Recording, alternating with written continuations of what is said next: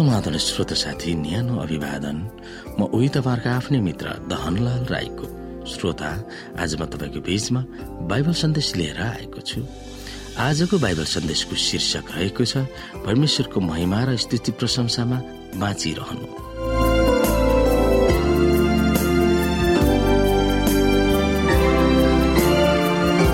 श्रोता उहाँमा जसले सबै कुरा आफ्नो इच्छाको योजना अनुसार पूरा गर्नुहुन्छ वा उहाँको सम्पत्ति हामीलाई उपलब्ध गराउनु भएको छ।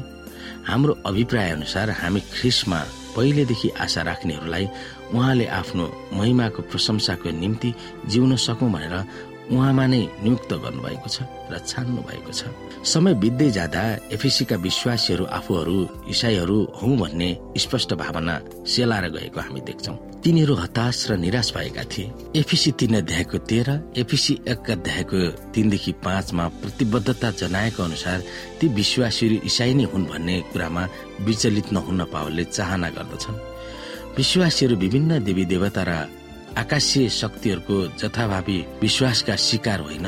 तिनीहरू परमेश्वरका छोराछोरी हुन्। तिनीहरू ख्रिस्टद्वारा नै आशिषहरूको उपभोग गर्न सक्दछन् तिनीहरूले उपभोग गर्न पाउने आशिषहरू गहिरो चिन्तन गरेर निकालिएका परमेश्वरका अनन्त निर्णयहरू हुन्।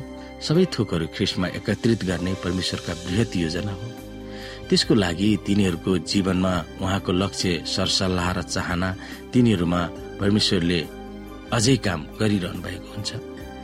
परमेश्वरको सामु निडर र अटल भएर तिनीहरू उभिन सक्ने हुनुपर्दछ।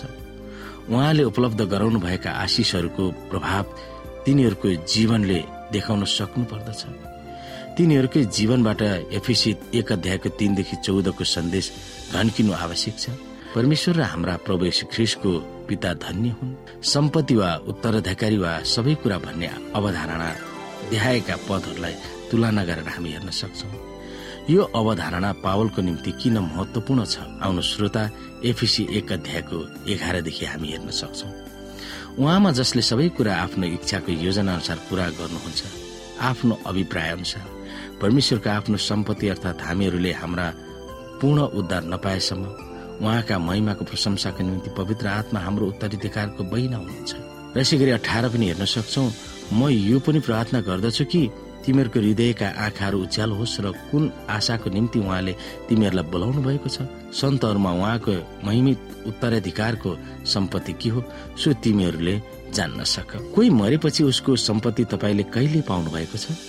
हुनसक्छ तपाईँको नातेदारले केही अमूल्य थोक वा धेरै पैसा तपाईँलाई छोडेको होला पावलको दृष्टिकोणमा यसुको मृत्युले इसाईहरूले परमेश्वरबाट सम्पत्ति पाएका छन्। र तिनीहरू परमेश्वरको सम्पत्ति हुन पुगेका छन्।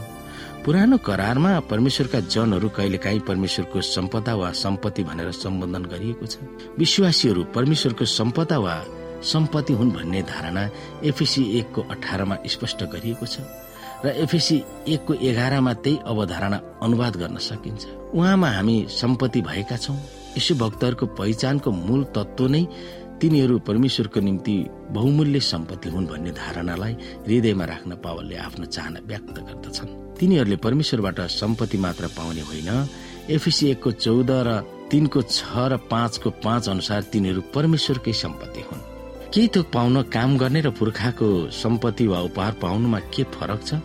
यसो ख्रिसमा हामीले परमेश्वरको सम्पत्ति प्राप्त गरेका छौँ भन्ने अवधारणालाई त्यसले कसरी बुझाउन सहयोग गर्दछ भनेर हामी बुझ्न सक्दछौ।